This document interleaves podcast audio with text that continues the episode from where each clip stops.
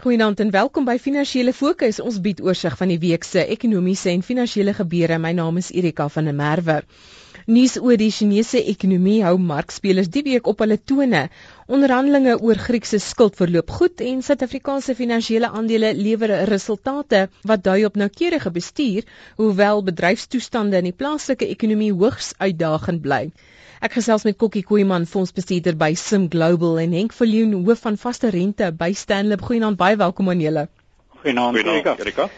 Henke, die Chinese owerhede se aankondiging vroeër in die week dat hulle hulle groei vooruitskatting vir vanjaar afwaarts aanpas. Nou, vir die hele rukkie al was hulle groei verwagtinge vir die ekonomie op 8%. Dis is nou afwaarts aangepas na 7.5%. Vir ons is dit nog steeds 'n eislike syfer, maar uh, markte en veral hulpbronpryse en hulpbronaandelepryse het aanvanklik ewig hierop gereageer. Ja, ek ek dink 'n mens moet in ag neem dat die aandelemarkte wêreldwyd uh, met 'n redelike positiewe noot begin het jaar tot datum. So die die feit dat ons soort van 'n bietjie slegte of teleurstellende nuus gekry het noodwendig negatiewe reaksie uitgelok het van markte. As 'n mens egter na die globale prentjie kyk, is dink ek daar 'n redelike debat uit op die oomblik of die herstel in die Amerikaanse ekonomie ehm um, verder momentum gaan hê. En ehm uh, ek ek dink die die tegniese afwaartse aanpassing nie so wesentlik is dat ek dink dit die die prentjie sal uh, totaal sal vertroebel nie, maar ek dink daar's tog die risiko dat kommoditeitsaandele nie so sal presteer soos wat die verwagtinge deur sommige analiste was nie. Kokkie daarmee saam laat in die week ook die Chinese inflasiesyfer vir Februarie maand heelwat laer as Januarie se 4.4%. Hulle inflasie is nou op 3.2%, maar te sien dit as positief. Dit gee daardie owerhede die ruimte om stimulerend op te tree indien nodig. Ja, eers net gou onthou altyd die Chinese syfers is uh, my opinie nie altyd heeltemal betroubaar nie. So Is dit nou sag gestel? Ja, maar inderdaad, maar maar dit is natuurlik die rigting waarin dit gaan. En mense kan sien dat die Chinese inflasie syfers het inderdaad is uh jy weet 'n toppunt bereik en uh, nou 'n dalende fase en dit dit word wel weer speel in baie van die syfers eiendomspryse in in China uh val in in al die stede dwars deur China en dit kom die hele tyd af. So jy sê dit maar reg, daar's daar's 'n dalende uh, tendens in inflasie ook in groei en dit gaan beteken dat hulle gaan en hulle het al reeds begin met met meer stimulerende aksies. Maar interessant ook in terme van die groei, weet min mense uh, fokus op die feit maar hulle groeikoers op 'n uh, doelstelling vir die vorige 5 jaar was 8% en hulle het die hele tyd gemiddeld ek dink van 11% plus gegroei. So die groeikoers is maar net aangepas van 8 na 7.5 tipies China beteken dit nie hulle gaan 7.5 groei nie, gaan heel waarskynlik nog meer groei. Maar jy het nou vooraf skielik gedink van 11 na 7.5 en ek dink nie dis noodwendig waar nie.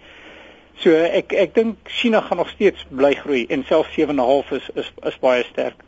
Henk, die onderhandelinge met die eienaars van Griekse staatsskuldbriewe het baie goed verloop. So dit is nou 'n verdere stap in die rigting van groter stabiliteit rondom Griekse skuld. Ja, so die op die opneemkoers, die jongste gepubliseerde nommers is hier rondom 86% wat hulle dan nou in staat stel om die onwillige kopers 'n uh, soort van in die transaksie in te dwing en dit uh, verhoog dan die deelnemingspersentasie tot rondom 96% wat dan eintlik die ekwivalent is van net minder as 200 miljard euros se skuld wat dan deur hierdie uh, maatreëls getref sal word. Ek dink die die belangrike ding hiervan is dat natuurlik die 130 biljoen euro pakket wat op die tafel is en wat eintlik in 'n groot mate as 'n voorwaarde was dat hierdie skuld heronderhandeling afgehandel sou word is nou in plek en dis baie interessant as 'n mens bietjie die 130 biljoen dollar pakket ontleed. 'n groot deel daarvan gaan gebruik word om die bankstelsel en die vermoë van die ekonomie om te funksioneer binne die Europese bankstelsel uh, te ondersteun. En uh, ek dink as 'n mens in die langtermyn kyk dink ek is daar nog steeds uh, bekommernis oor die vermoë van Griekeland om hulle uh, skuld te kan bly betaal en die vermoë van die ekonomie om om op 'n langtermynbasis uh, goed te groei. Maar uh, ek dink in die korttermyn slaag die Europese Unie en die Europese monetêre owerhede daarin om hierdie posisie wat hulle wou behaal het om die Griekse situasie in die langtermyn uit te stel uh, definitief uh, met met die met die slag van hierdie herstrukturering van hulle skuld.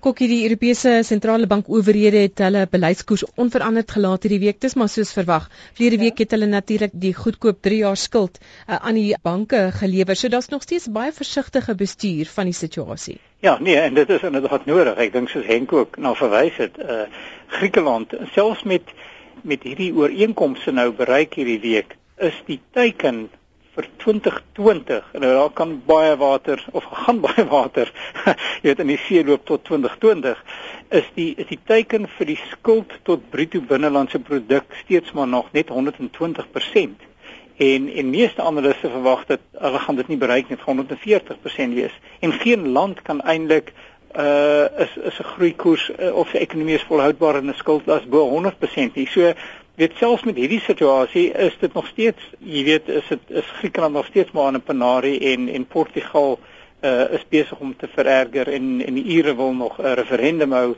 en Spanje vererger. So die probleem is is baie baie baie ver van opgelos. Kokkie, ek weet as fondsbestuurder is jy nie 'n bang man nie. Wat is jou blootstelling aan Europese banke? Uh no. O, ek het ja, gedink jy sê daar begin pesel het. My span en ek stry die hele tyd daaroor. En dit is dit is aantreklik. Ek moet vir jou sê wat nou interessant is, jaar tot datum is die Griekse banke gemiddeld 120% op. So as jy op 1 Januarie baie braaf was en jy het Griekse banke gekoop het jy jou geld verdubbel. Maar die risiko was vir ons net nie die moeite werd nie. Maar nou moet jy ook onthou, dis sê maar die Indiese banke is ook vanaf 1 Januarie op met gemiddeld 50% en ons het baie Indiese banke gekoop in Desember. Dit was vir ons net 'n baie lae risiko. Jy weet dit is maar 'n mens kan braaf wees, maar jy moenie dom wees nie. Ek dink die die belangrike ding wat in Europa aan die gang is en dit ek sal graag kokkies op opinie daaroor hoor ek ek dink ons moet miskien 'n bietjie daar praat want baie mense vra geweldig baie vrae rondom dit is maar ek dink wat aan die gang is is dit dit mens moet aanvaar dat daar's 'n 'n wesenlike belang on daarin dat die Griekse situasie so lank as moontlik uh, bestuur word ten einde die ander Europese ekonomieë en dan praat jy spesifiek van lande soos Portugal en Ierland wat ook uh, op die op die grens is van van 'n skuldkrisis situasie dat hulle die vermoë ontwikkel om om hulle uit hulle skuldsituasies uit te groei dat indien die Griekse situasie uiteindelik 'n uh, stadium bereik wat wat hy nie meer uh, bestuur kan word en en die Griekse ekonomie kies om dan hieruit te verlaat dat 'n mens dan 'n situasie dat die skeiding wat daar geskep is as gevolg van die tyd wat verloop het en die beter prestasie van hierdie ander kleiner ekonomieë die domino effek wat 'n mens nou tipies oor bekommerd is dan minder sal maak uh, vir die toekoms van Europa. Ja, nee, ek ek ek dink Henk sommer baie goed op en ek dink die die held of die heldin as die boeke later geskryf gaan word gaan gaan Angela Merkel wees wat wat hierdie ongelooflike fyn balans die hele tyd moes loop tussen haar eie kiesers wat die hele tyd teen haar wil stem en haar uit wil gooi as sy te veel weggee. En te gelykertyd moes sy die dissipline handhaaf want sy het geweet hierdie is soos hulle letterlik sê in Engels once in a lifetime wat jy nou dissipline kan afdwing in Portugal, Italië en al hierdie lande kan regkry dat hulle nou die die beleid verander.